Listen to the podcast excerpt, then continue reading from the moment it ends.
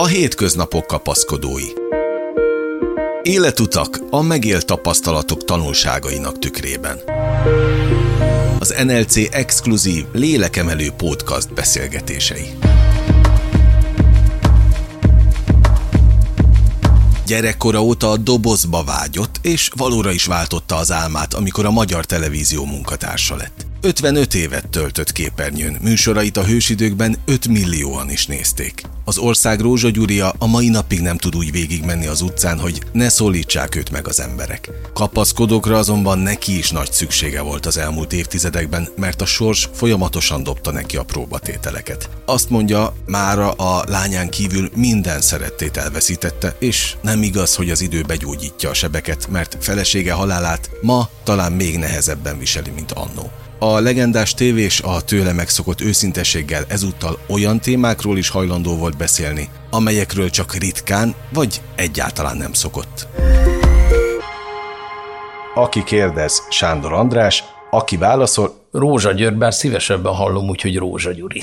Rákeresette valaha arra, hogy milyen gyakorisággal is, főleg mire keresnek rá Rózsa Györgyel kapcsolatban? Megnézte már? Nem tudom, hogy hogy kell ezt csinálni, azt nem néztem meg. Azt, azt néha keresek valamit, például, hogy, hogy nem tudom én, mit írtak akkor, amikor. Uh-huh de nem tudom, hogy, hogy ez nem tudom megnézni, hogy ki írta, vagy hol írták, vagy hányan látták, vagy hányan ö, ö, ütöttek rá, vagy nem tudom, fogalmam nincs. Az Instagramnál tudom, mert ott kiírják a kép alá, hogy nem tudom, én 2023-an igen, igen, nézték, igen. vagy lájkolták.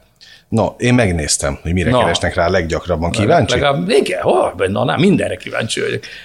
Tudja, az a riporter, aki kíváncsi. Aki nem kíváncsi, ah, jogos, az jogos, ne legyen riporter. Jogos, jogos, jogos. Szóval, Rózsa György. A leggyakrabban valami miatt Rózsa György feleségére keresnek rá. Uh-huh. Tehát ez az első. Aztán Rózsa György lánya, a második leggyakoribb uh-huh. keresés. Rózsa György unokája, a harmadik. Rózsa György háza, a negyedik leggyakoribb. Rózsa György zsákba macska. Aztán Rózsa György paródia. Aha. Rózsa György magassága. Még ez is itt van. Ez fontos valakinek? És a Rózsa György Most megmondom várja. 170, hogy ne legyenek kétségek. Na, e- ezek a leggyakoribb Úgyhogy keresések. Úgyhogy vagyok, ha ezre kíváncsi. Ezek a leggyakoribb keresések. Ugye De ez, tudja, ez milyen, a... milyen érdekes? Hogy például a, a, a műsorok közül csak egyet említett, holott Képzelj el, hogy amikor csinált a televízió nem olyan régen egy Rózsa Gyuri 50 című televíziós műsort, amiben sokan azt hitték, hogy 50 éves vagyok, de jó lenne, hanem hát, hogy akkor 50 éve dolgoztam éppen a televíziónál, és akkor kikeresték az archívumba, hogy én csináltam a legtöbb sorozatot, a 48 féle sorozatot csináltam, és hát rengeteg, több ezer egyedi adás, de azt nem is számolom. És azért érdekes, hogy, hogy többeket érdekel, hogy a házam milyen. Igen, igen, tehát úgy kell elképzelni ezt a fajta keresőt, ugye ez a legnagyobb kereső motor az interneten, beírja, hogy Rózsa György, és azonnal kiadja, hogy melyek a leggyakoribbak. Tehát valószínűleg keresnek a tévés munkásságra aha, is, aha. de nem annyian, mint ezekre. Aha. Tehát a leggyakrabban ezekre ez kíváncsiak. Érdekes. Ez érdekes nagyon. Egyébként tegnap elszomorodtam. No, Ezt el is, sőt, már nem tegnap, ma reggel. Tegnap kitettem az Instagramra két fotót. Az egyik fotón ülünk a Farkas Bercivel, Balatonfenyvesen, a másikon pedig eh, ott van a Margit-szigeti volt kaszinó épülete, biztos, hogy ismerted, igen, az, igen. Az, ahogy bemegyünk a szigetre, mindjárt ott szembe igen. van, ami eh, engem végtelen felháborított, hogy azzal mi történt. Szellemkastélyként Aha. ott van és egyébként a nagy közönségtől el van véve, alaposan körbekerítették, vaskerítés, minden, és ezen én nagyon fölháborodtam. Szóval, hogy Na most erre jött 90 like. Igen. És, és a Farkasbert talán? Hát sokkal, hát nagyságrendileg sokkal több, vagy valami, de ez rendben is van. De mondjuk, ha kitenném, hogy mit ebédeltem ma, arra is több jönne, mint 90. Uh-huh. És ez viszont borzasztó. Hogy ennyire az embereket tényleg most már nem is tudom, nem érdekli semmi. Mondta az Instagramot. Igen mennyire nagy használója egyáltalán az internetnek. Ha valaki meg tudja, hogy én hogy kerültem bele ebbe az egész Instagram dologba, jókat nevet. Én ugyanis nem tud, fogalmam nem volt, hogy mi ez, hogy van ilyen, meg hogy mit jelent ez. És volt, talán látott belőle egy vagy két adást, ez a Nagy Duett című hogyne, műsor hogyne, a TV2-n, ahol a Csobot Adélkával párba Igen. énekeltem én, és hogy bejutottunk egész a szuper döntőig. Már az első adás előtt azt mondja nekem az Adélka, hogy azt mondja, Gyuri, ne haragudjon, de, de ö, kitette az Instagramra, hogy ma leszünk? Mondom, mi baj van? Az az Instagram. Becsület, szóval most nem hülyeskedek, komolyan azt hittem, hogy ez valami mértékegység a gramról. Mondom, mi, mi, mi az, hogy gram? Vagy, de nem tudtam, inferno, meg mindent mondtam, hogy mi lehet az. És akkor elmagyarázta nekem az adóka, hogy ez egy nagyon fontos új, meg hogy a reklám, meg minden, és hogy milyen jó lesz, hogyha minden egyes adás előtt én már népszerűsítem ezt, hogy szerepelünk, figyeljenek, szavazzanak ránk, stb. stb. És ő akkor csinált nekem egy ilyen oldalt, vagy nem tudom, hogy hívják igen, ezt, igen, hogy abszolút. profil, vagy profil, mit mind a kettő. De azt, hogy én nem tudom. Na mind.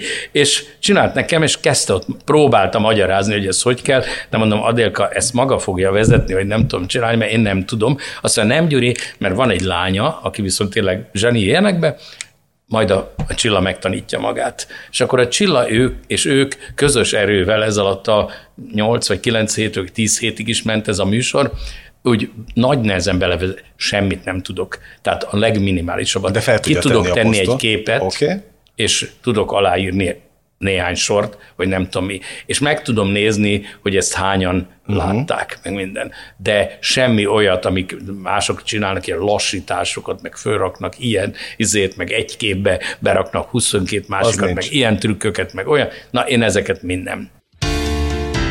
Izgalmas témákból a folytatásban sem lesz hiány. A műsorvezető úgy érzi, ha annak idején ugyanilyen elképesztő túlkínálat lett volna televíziós csatornákból, mint manapság, egészen biztosan nem vált volna belőle az ország rózsagyúria. Kiderül, kivel tartja a kapcsolatot korábbi híres kollégái közül, és a legendás kitartásáról is mesél, ami végül a képernyőre segítette. Már is folytatjuk a beszélgetést azzal, hogy megjelent Magyarországon száznál is több magyar nyelvű csatorna, azzal nyilván a közönség nagyon alaposan eloszlott, meg most már az én lányomnak a korosztálya nem is nagyon néz tévét, csak internetet bámul, és ott nézi a filmeket is, meg minden. Legfeljebb kivetíti a nagyképernyős tévére az, a igen, számítógépéről a, a filmet, de úgy, mint akkoriban, hogy tévé, nem, hát mondjuk egy kapcsoltamnak mondjuk volt annak idején, nem tudom én, 4-5 millió nézője, ma, hogyha egy műsornak 400 ezer nézője van, már minden körül. Már összeteszik a két kezüket, Igen, Már minden körül.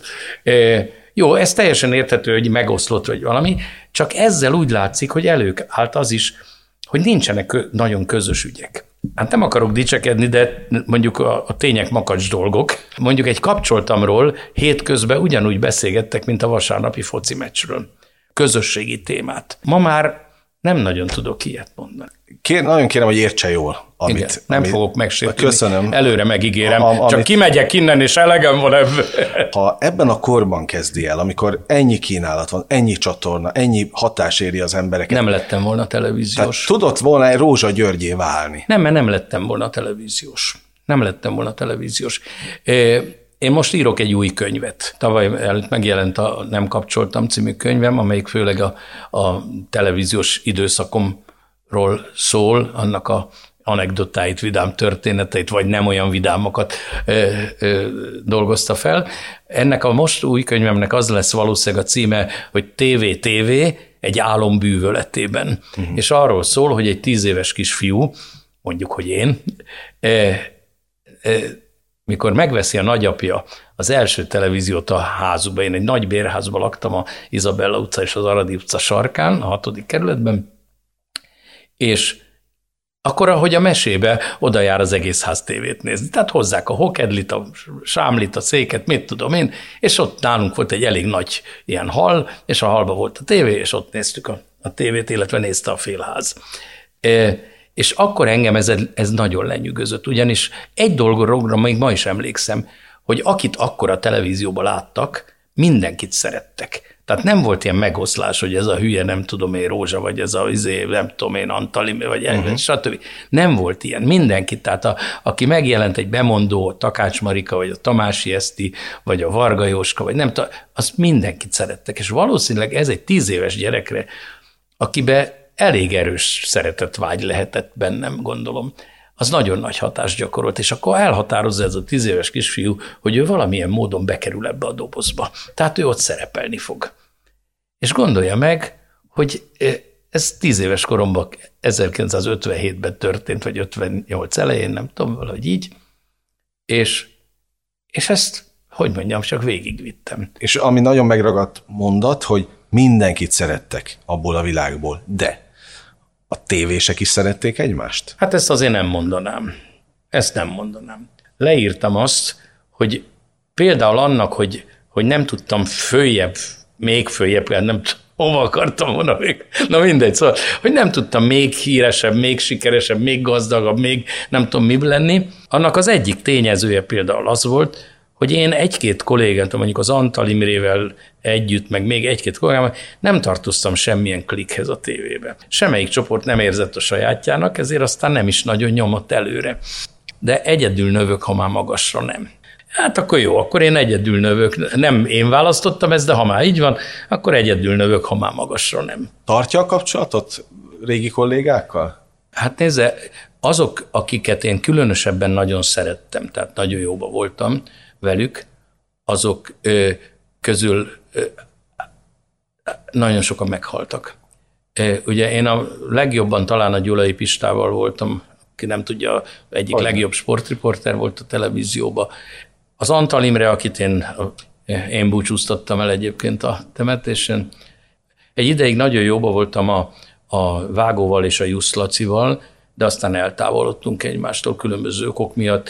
Én nem vagyok ilyen politikus uh-huh. alkat, tehát én sose dolgoztam semmilyen politikai műsorban, nem voltam sohasem pártak se, meg semmi se, és nem is nagyon vonz ez a világ, sőt nem, hogy nem vonz engem, inkább még egy kicsit taszít is ez a világ.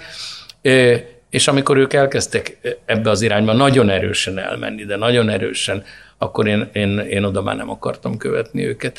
És hát van, rendezők között is van néhány jó barátom, újságírók közt is van néhány jó barátom, akiket úgy...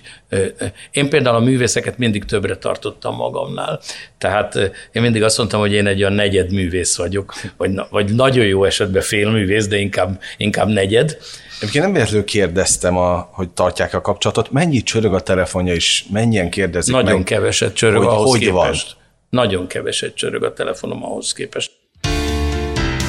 Rózsa György az NLC lélekemelő podcast beszélgetésének vendége, akivel a következő blogban férfi olvasóink, bocsánat, hallgatóink számára kedvezünk, hiszen a csajozás témakörét járjuk alaposan körbe. Hölgyeknek is erősen ajánlott végighallgatni, hogy kiderüljön számukra valójában mi mozgatja a férfiakat. Azonnal jövünk vissza. Két vagy három embert irigyeltem, a, annak idején a újonnan megnyílt fórumszállónak az igazgatóját. Na, őt miért? Hát gyönyörű lett volna egy, egy szállodát igazgatni, egy, egy olyan szállodát, azt, azt csoda, azt imádtam volna.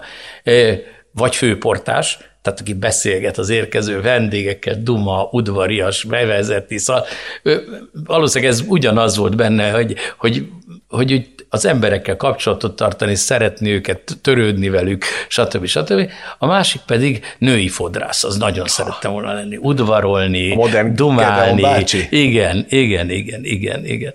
Úgyhogy, és hát persze ez megint van ma, ma is bennem, tehát hogyha újra kezdeném, lehet, hogy megint azt mondanám, hogy elmegyek mondjuk női fodrásznak, és ott szétudvarolom a világot. Hát ezt azt nagyon sok interjúban olvastam, hogy igen, az udvarlás az lételeme, de ezt most tapasztaltam el, hogy vártam az épület előtt, ahogy kiszállt szállt, azonnal elkezdett udvarolni. Így kezit csókolom, úgy kezit csókolom, így magácska, úgy magácskat. Volt valami ismerős, aki, akivel találkozott a, a parkolóban.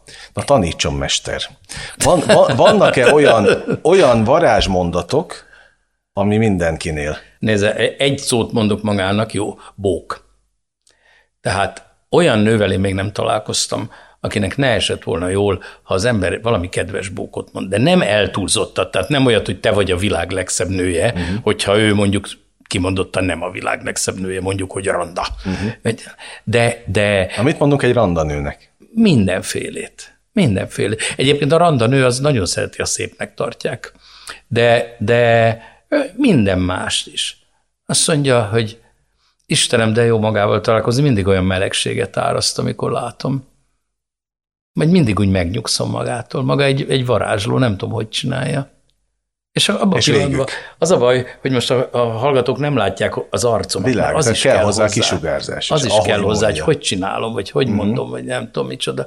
É, és valamiért úgy látszik, hogy ez, ezt mondom, talán édesapámtól vagy édesanyámtól van, vagy mind a kettőktől, valamiért én ezt az, el, az első pillanatban megérzem, hogy, hogy mi az, ami ennek, ennek a hölgynek, vagy mhm. ennek a, hát inkább hölgynek mondjuk jó lesne. Van olyan, aki ilyennek örül például, már bocsánat, hogy ezt mondom, okay. hogy megismerkedésünktől úgy hívom, hogy csoda popsi. Mert tényleg gyönyörű popsia volt, amikor én megismerem, meg hát most is gondolom, hogy valami, és ő, ő nem sértődik ezzel meg, mert úgy mondom, meg, meg szóval úgy van az egész becsomagolva, eladva, stb. stb. És mert látja, hogy valóban ezt gondolom, hogy ez egy csoda, őszinte, ez a gyönyörű őszinte. szép popsi. Úgyhogy... Nehezebb a szép nőnek udvarolni? Hát sokkal nehezebb. Hát egyrészt azért nehezebb, mert szép nőnek sokan próbálnak udvarolni. Szerencsémre, hogy sokan nagyon rosszul próbálnak, vagy ott rombán, vagy kevés szellemmel, meg minden. Erre például azt is tudom mondani, hogy ma, ma már nem ennyire van így, sőt, ma már nincs így talán. De amikor én a nagy udvarlós korszakomban voltam, tehát mondjuk 14 és, és nem tudom én, 54 között, akkor még a, a, a lányoknál nagyon imponált az, hogyha az ember például verseket tudott, Aha. vagy színdarab részleteket, vagy valami. Tehát olyan, olyan szituációkat, amik kicsit hasonlítottak arra, amiben éppen voltunk, vagy valami, vagy amit el akartunk érni. És nagyon meg lehetett fogni a lányokat ezzel. Tényleg nagyon meg lehetett fogni. Ma már valószínűleg nem. Tehát ma már valószínűleg, nem tudom, valakinek azt mondom, hogy az, az vagy nekem, mit tesnek, aki eltől halára röhögi magát. Hogy nem, de akkoriban ez nagyon. Volt egy olyan szerelmem, gimnazista szerelmem, aki aztán menő edző, meg sportpszichológus lett, minden, főiskolai tanár, stb. stb akivel Kaposváron, mert mondom, oda jártam gimnáziumba, négy évig ott koptattam a padokat, Kaposváron a Színházparkba, meg a Szabadságparkba éjszakánként vagy késő esténként sétáltunk, és tízezer verset elmondtam neki, és tátott szájjal hallgatta meg minden, és azt mondja még ma is, hogy őt azzal nagyon is levettem a lábáról. Na, hát akkor nyomot hagyott. Hát ma már valószínűleg ez nem, nem működne így, ma már, más, ma már egy nyitott kabrió valószínűleg, hogy mondjam, nagyobb sikert hozna nekem, mint Shakespeare. Ezt, ezt mindig mondják, de ez tényleg Vagy József Attila. Tehát a jó autóval lehet csajozni? Persze, hogy lehet. Hát hogy ne. Hát hogy ne. Hát, hát mindig, mondani ott is kell valamit. Mindig vannak olyan lányok, és mindig lesznek is olyan lányok, akiknek ez, ez nem hogy elég, hanem ez, ez, ez jelenti a beérkezést. Aha. Jó, hogy ez azért, azért figyelnek az Hogy emberre? ő például olyan, olyan helyre be tud menni este egy koktélt meginni, ahova egyébként nem tudna bemenni a saját anyagi helyzete miatt. Vagy például egy olyan autóban le tud menni a Balatonra, és mindenki nézi őt, hogy egy nyitott kocsival ott végig flangál a, a, a, a, a sétányon. És még nem is mondom azt, hogy ezek mind értéktelen, vagy üres, vagy nem tudom milyen lányok. Például, ha van egy lány, aki mondjuk szövőlány és cukros ételekről álmodik, ahogy József Attila írja, annak valószínűleg, hogy mondjam, néha szüksége is van erre, hogy, hogy kitörjön egy ilyen millióból, és, és egyszer hadd csillogjon, villogjon. Én például, hát most elmondok egy olyat, amit nem, nem igazán illendő, de például a Leglegleg című műsort, én azért szerettem különösen, és arra is építettem ezzel a műsorral, hogy rengeteg embernek lehetőséget ad arra, amire egyébként nem volna, hogy egyszer az életében rávetüljön egy nagy erős fénysugár, és csak legalább két percig, öt percig, nem tudom micsoda, ő legyen a, a főszereplő, az, aki, az, akire figyelnek, akit másnap a munkahelyén, az a Lajoskám, láttunk a tévén, milyen fantasztikus volt, stb. stb. Tehát akire soha az életbe különösebben nem figyelnének oda, az is kapjon egyszer valami nagy fénycsóvát, és, és élhesse azt, hogy, hogy milyen lehet azoknak, akik ebben élnek rendszeresen. Mai beszélgető partnerem számára rendkívül fontos a női nem, és ezt nem is rejti véka alá, így egy rövid blokkot változatlanul ennek a témának szentelünk. Kiderül, hogy áll most Rózsa Gyuri a párkapcsolatokhoz, mi motiválja manapság egy ismerkedésnél, s vajon mennyire könnyű számára egyáltalán kapcsolatot kezdeményezni. Azonnal folytatjuk. Ki tudta ezt szűrni, hogy a, a nők a sztárt, az ünnepelt tévés látták-e önben, vagy, a, vagy az embert keresték? Mit tudom én, milyen autóval járkált éppen? Az biztos, és ez most nem dicsekvés, hanem ténymegállapítás, az biztos, hogy a hódítársaimnak egy jó részében, azt mondanám talán, hogy a jelentősebb részében biztosan szerepet játszott az, az a fajta kíváncsiság, vagy az a fajta, hogy mondjam, felfokozott érdeklődés, hogy na milyen lehet a Rózsa Gyurival. Aha. Meg még az is talán benne volt, mint ahogy gondolom, egy férfinél is fordítva is benne van, hogy én mondjuk egy ünnepelt színésznővel sétálok a, a nem tudom én, a belvárosba, és sokan látják, hogy ott jön velem az XY. Minden. Ez biztos, hogy belejátszott. Tehát ez, ez az én, hogy mondjam, ha, ha voltak sikereim a nőknél, akkor ez az egyik fontos tényezője lehetett, hogy igen, hát a Rózsa Gyuri az egy híres ember is, és hogy mondjam. Aztán volt persze, ahol, ahol meg ez egy riasztó volt. Tehát ma is például érzem nagyon, nagyon gyakran, hogy meg mondják is, hogy á, azt mondja magának biztos ezer nője van. Vagy á, azt mondja mindenkinek, maga mindenkinek udvarol, meg maga mindenkiben szerelmes, meg mindenkiben nem tudom, stb. És ez megállítja őket. Tehát elriasztja. Aha, most igazuk van? Hát azt én nem tudom. Hát, hát van biztos tudja. ilyen periódus is az életemben, meg van olyan, hogy nem. Hát most éppen melyiket éli? Hát most, most olyan nagy csajozás nincsen. Ezt őszintén megmondom. Valószínűleg egy kicsit az emberbe, ahogy így elhagyja a hetvenet, jó, kár volt megmondani. Na mindegy, most. Szóval... Ott a kereső. El, igen, tehát többféle. Ezért vacakok ezek az eszközök. Na szóval, szóval egy kicsit azért csökkent talán a vadász ösztön. Meg, meg az, hogy, hogy egy kicsit gyanakvóbbá is válik az ember. Már bocsánat, hogy ezt mondom, és nem túl szimpatikus, de a lányom ö, ö, ö, élesztette először ezt a gyanakást, nem, hogy á, apa, te X-nek, Z-nek, U-nak csak azért kell lesz, mert. Aha. Hogy konszolidált, hogy mondjam, körülményeid vannak, normális egzisztenciát, stb. stb. plusz híres vagy, meg minden. És ez egy picit néha valóban átfut az ember fején, amikor egy új nővel megismerkedik, hogy hát mit keres én bennem, hát öreg vagyok, ronda vagyok, stb. stb. minden bajom van, és most már én szerintem nagyon vágynék egy ilyen hát ne, ha nem, nem, nem úgy mondom, hogy végleges, mert én azért sose hittem ebbe a holtomiglan holtodikban teljesen, de, de vág, vágynék egy olyan véglegesebb kapcsolatra, amiben most már azért ennyi idősen valószínűleg nem a szex játszaná a főszerepet, mert fiatal korában az embernek elég erősen az benne, hogy hú, ezt de elkapnám ezt a csajt, meg ja Istenem, a... szóval én, én például a, az Évával, a feleségemmel így voltam, hogy kimentem egyszer a, a tornacsarnokba, valami dolgom volt, már nem tudom mi forgatás, a Gárdos Péter nevű filmrendező barátommal, talán kerestünk szereplőt, valami, nem tudom mi volt. És megláttam a, a gerendán egy ilyen fehér ruhába egy ilyen hattyú királynőt, nem tudok rá más mondani, olyan mozdulatai voltak, mint a hattyúk tavában, ezek a gyönyörű ilyen kar, meg egyéb mozdulatok, karcsú volt, gyönyörű, hát elképesztően szép, meg minden. És mondom, Istenem, és ezért mesélem el a történetet, Istenem, ha én csak egyetlen egyszer megkaphatnám ezt a nőt, már nem éltem hiába. Na most ebből lett húsz év. Minden sajnos elvesztettem, illetve hát a sors elvette, de, de minden esetre, hogy mondjam, van ilyen is, hogy, hogy a, a, egy kapcsolatot a vágy indít el, vagy, vagy ez, a, ez a fajta dolog van, aztán mondom néha az, hogy meggondolás, néha például az, hogy valamit vele tudok a legjobban csinálni. Például mondjuk Leningrádban voltam én egy évig ösztöndíjas, és ott megismerkedtem egy osztrák művészi, művészettörténész szakos lányjal, nem mondom a nevét, hogy Gizella Smollinak hívták, ne, hogy valaki, még csak nem ez, csak azért mondom, hogy lássák, hogy még emlékszem rá ennyi idő után is. És a, a, a Gizi, az például a világon a legjobban ismerte a Leningrádi múzeumokat, meg minden művészettörténész volt, élmény volt vele. Tehát én vele a kapcsolatom nagyjából abban merült ki. Nagyon csinos lány volt egyébként, hogy mentünk ide-oda múzeumokba, és magyarázta meg minden, és én azt gondolom, hogy én viszonylag, hogy mondjam, egy, egy, egy világot kaptam tőle ajándékba, egy, egy, egy képzőművészeti világot, amit addig nem ismertem, vagy nem távol se ilyen jól töltötte. ismertem, és vele ez volt a kellemes.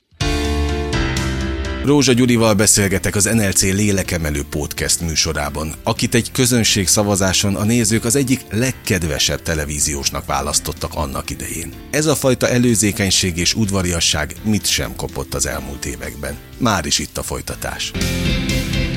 Képzelje el, én akárkinek meséltem arról, hogy van ez a sorozat, amit a Nőklapja kafén. Amikor azt mondtam, hogy Rózsa Gyurival fogok beszélgetni, mindenkinek széles mosoly ült az arcára. Hát, mert nem azt mondta, hogy Rózsa Györgyel, mert azt nem tudták volna, hogy ki. De a Rózsa Gyurit azt csak tudta. Széles mosoly vagy röhely? Nem, széles, nem, széles mosoly. mosoly. Nagyon kedves, szeretetteli mosoly, ez fontos. Nagyszerű. Hogyha ha én azt árasztom, hogy én úgy általában szeretem az embereket, van néhány kivétel, de azért hogy mondjam, a 99,9%-át szeretem, és megpróbálom egy kicsit türelmesebben szemlélni az életnek a, a gazságait, meg minden, akkor ez valószínűleg ráragad azokra is, akik találkoznak velem, vagy akik nézik a műsoraimat, vagy hallgatnak engem, és akkor ők is egy picit úgy, hogy mondjam, kedvesebbek, nyugodtabbak, békésebbek lesznek. Ezt a lányomon mérem föl, a Csilla mindig azt mondja, persze neked könnyű, apa, mert te bemész egy üzletbe, akkor mindenki mosolyog rád, meg mindenki kedves, meg előre engednek, meg mit tudom, és a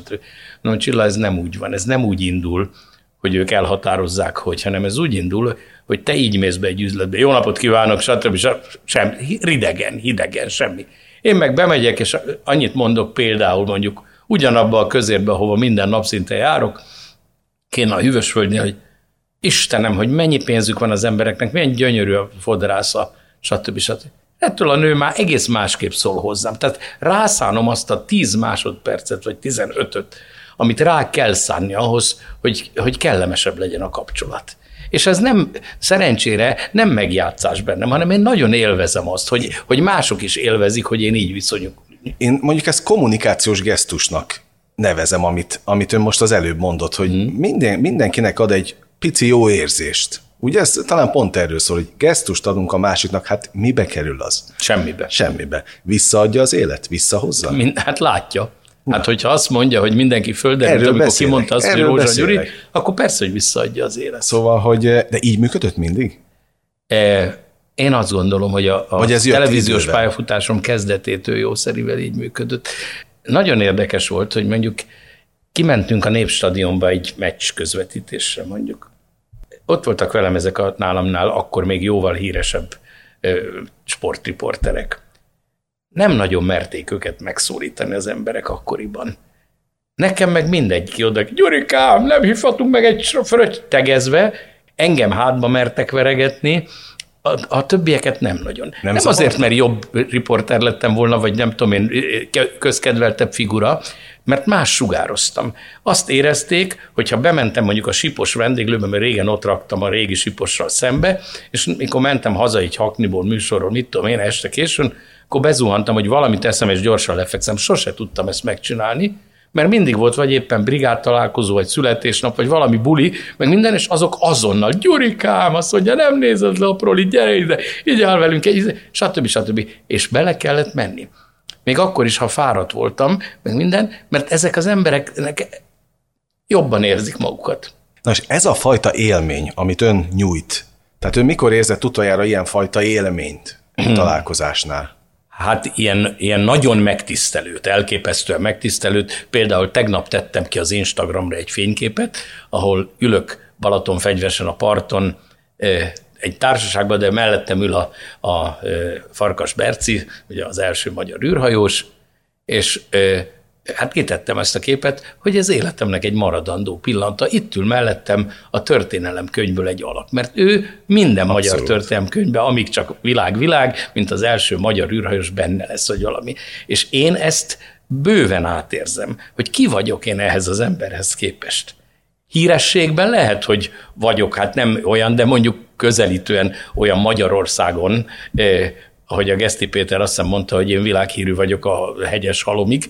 Tehát, szóval, szóval, de hát azért hol van az érték? Szóval ez az, amit úgy mond a költő, hogy több a hírnév, mint az érdem. Nálam így van. Nálam több a hírnév, mint az érdem, és én ezt tudom. És nagyon, nagyon szomorúan látom néha, hogy némelyik kollégám, sőt egy, egy néhány celev, akiket nem neveznék a kollégámnak azért, tehát elhiszi magáról azt, amit a, amit a közönség néha mond, hogy hát maga a legszebb, a legokosabb, a leg, a leg, leg, leg, szóval nem, én azt, azt remélem, hogy nem. Én azt remélem, hogy nem. Nagyon tetszett nekem, és borzasztó hízelget, különösen az elején, hogy, hogy ilyen, ilyen nagy népszerűségre tettem szert, de én azt remélem, hogy máig sem, most már 55. évet csinálok televíziós műsorokat, az azért elég sok. Az. És én, én azt gondolom, hogy máig se gondoltam azt magamról, hogy én valami nem tudom micsoda különleges ö, ember vagyok, hogy, hogy attól, hogy három millióan néznek, három milliószor több vagyok, mint egy másik ember, egyáltalán nem.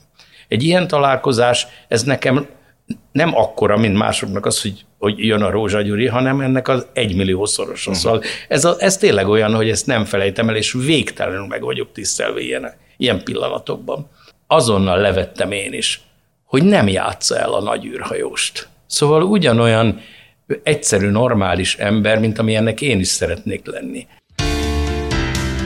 Egyesek szerint értelmetlen a mi lett volna, ha kérdésen gondolkodni, míg mások kifejezetten izgalmas témának találják. Kevesen tudják, hogy az ország Rózsa Gyuriának felmenői között bárók is voltak, ezért kíváncsi voltam, hogy milyen élete lett volna, ha épp megmarad a rangjuk és minden egyéb azzal járó földi javak. Apropó javak, a tévés arról is mesél a következő blogban, hogy mennyire nem tud és nem is akar spórolni. Folytatjuk. Nekem nagyon sokat számított, hogy a szüleim milyen emberek voltak. A, a, ők mindig ö, ilyen szempontból jó fékek voltak nekem. Tehát amikor esetleg elindult volna velem a ló és elszaladt volna, akkor az édesapám, édesanyám nagyon finoman, tehát nem úgy, hogy megbántottak volna, de nagyon finoman úgy, úgy hát nem azt mondom, hogy helyre tett, de szóval eligazított. És valószínűleg azt a fajta, hogy mondjam, csak ember szeretetet, mert nem tudom másnak hívni. E, ezt, ezt biztosan az édesapámtól, meg édesanyámtól örököltem. Például az édesapám már, már majdnem, hogy a, a nevetségességig vitte ezt a dolgot, szóval ő neki nem volt rossz ember.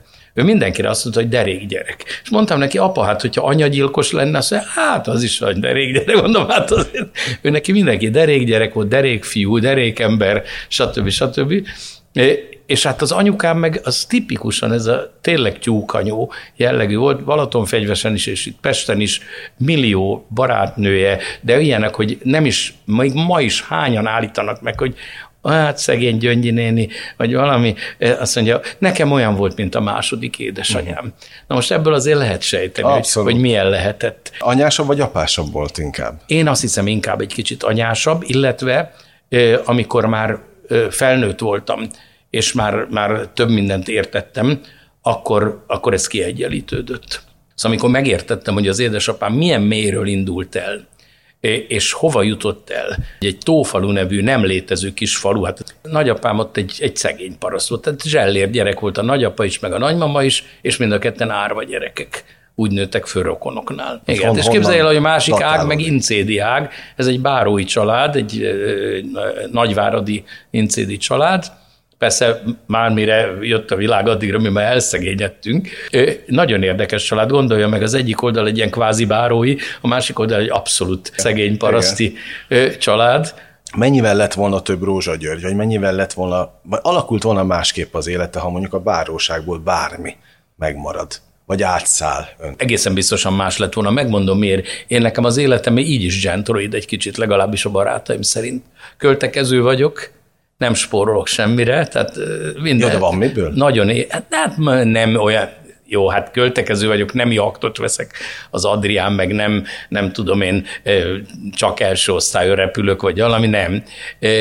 De mondjuk nem nézem meg azt, hogy most egy pulóver, hogyha kell nekem egy pulóver, az most éppen nagyon uh-huh. mennyibe kerül, vagy, vagy bemerek ülni bármelyik étterembe, vagy bármelyik kávéházba, ilyen, ilyen kávéházi ember vagyok egyébként is, meg minden. Szóval ebből a szempont, ezt mondom arra, hogy tehát nem olyan gentroid, aki elkártyázik egy birtokot egy este alatt, mert volt ilyen rokonom is, aki a, a házvásárlásra ment, de útközben beugrott a lovira, és a lóversenyen sikeresen a ház pénzét el, és a, egész pontosan a nagymamám nővérének a férje, és, és elment a pénz, minden. Na, ilyen nem, ennyire ez nem megy el, de mondom, nem nézem meg azt, hogy, hogy ezért meg szeretem a barátaimat meghívni, meg, meg szóval úgy, úgy nem, spor, sokat szeretek külföldre utazni, minden, tehát nem, nem élek én gazdagon, de no, jó mód, közepesen jó, vagy még annál egy kicsit lejjebb. Mondjuk, hogy, mondjuk, hogy egy középső középosztálybeli életet élek. Van ennek előnye, meg hátránya is gondolom.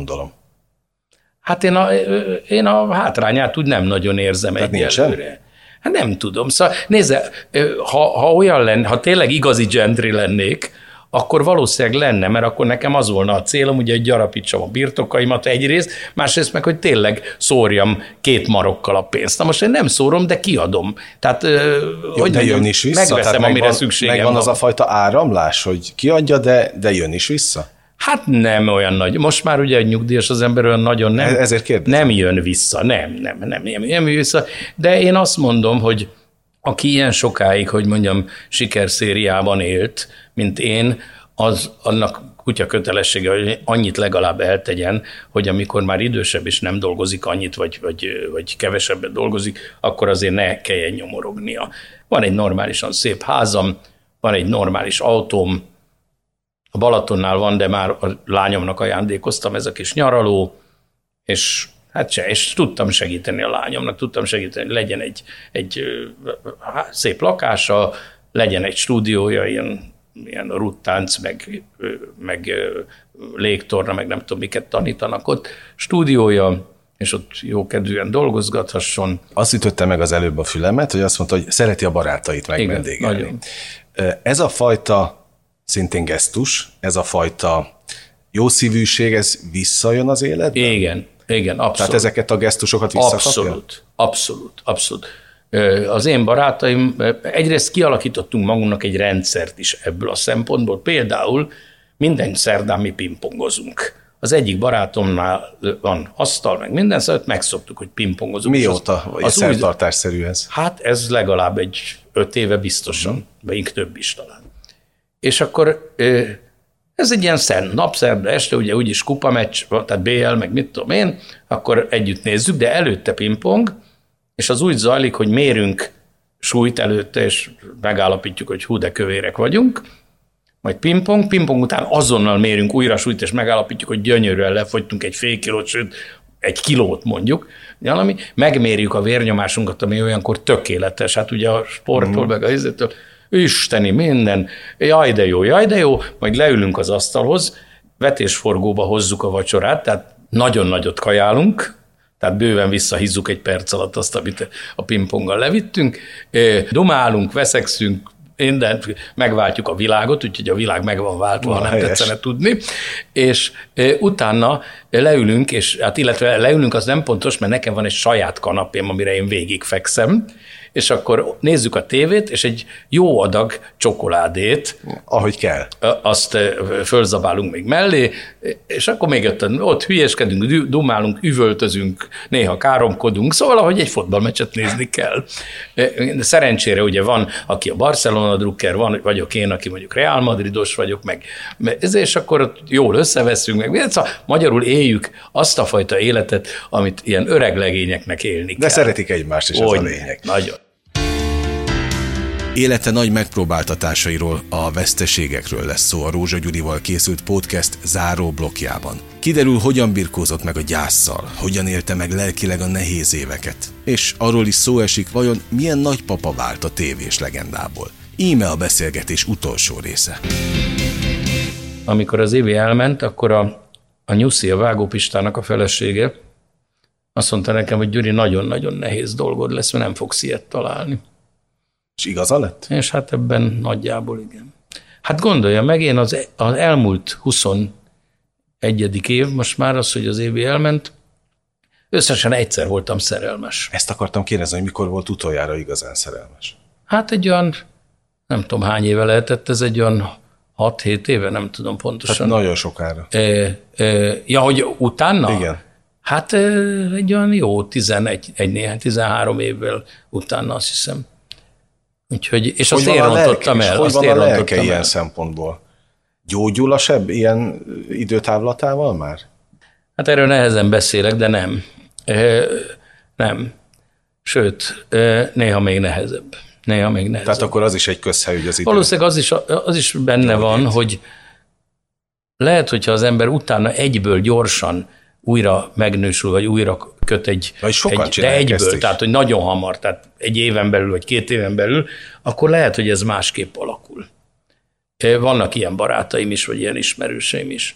De én nekem ez akkor nem sikerült. Én, hát most már megmondhatom, én, ugye 2000-ben volt ez, amiről mi beszélünk novemberében, akkor én annyira mélyen voltam, hogyha a Csilla, a lányom nem élt volna, akkor valószínűleg egyrészt, hát azon voltam, hogy ugye egy, én nem tudok már senkit se szórakoztatni, nem, hogy senkit, magamat se, nem, hogy a tévénézőket, tehát én egy szava fogom hagyni.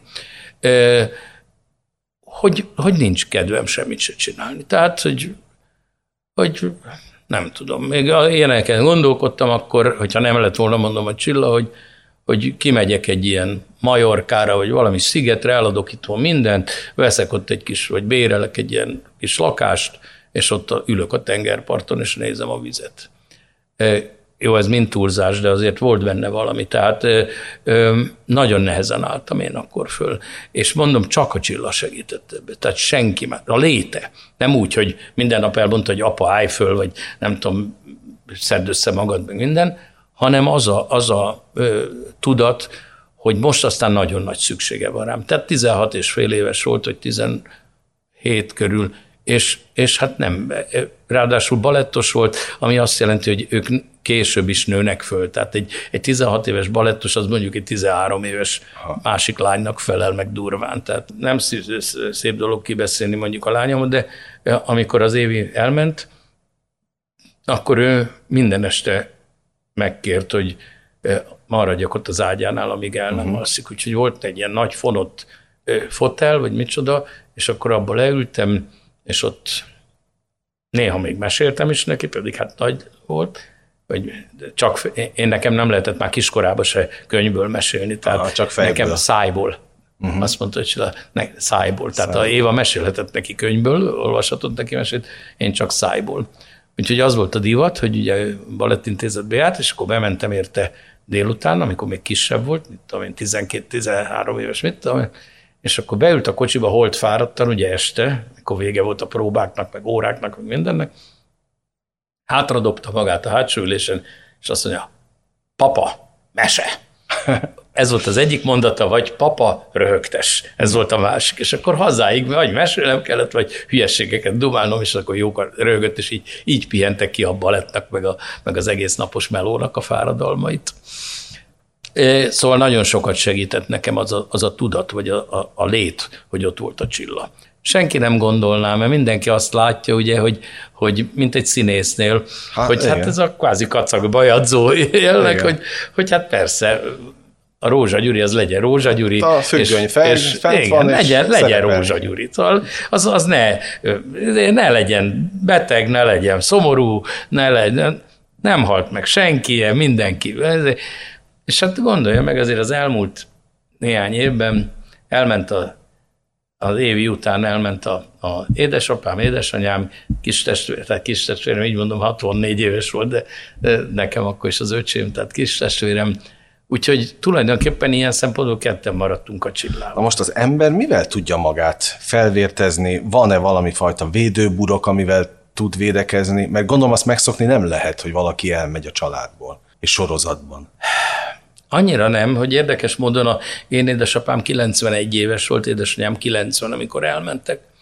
E, az öcsém nem, ő, ő teljesen megmagyarázhatatlanul egy hét alatt fehérvérűségben meghalt, és, és semmi nem utult rá, egy napig nem volt életébe kórházba, nagyon egészségesen élt, stb. Szóval nem, nem, Értetetlen. nem lehetett, ezt nem lehetett megérteni, meg feldolgozni. Szerintem édesanyám rá egy évre halt meg, és valószínűleg ez elég erősen benne volt az ő halálában. Bár hát mondom, 90 éves volt, tehát szép életet élt.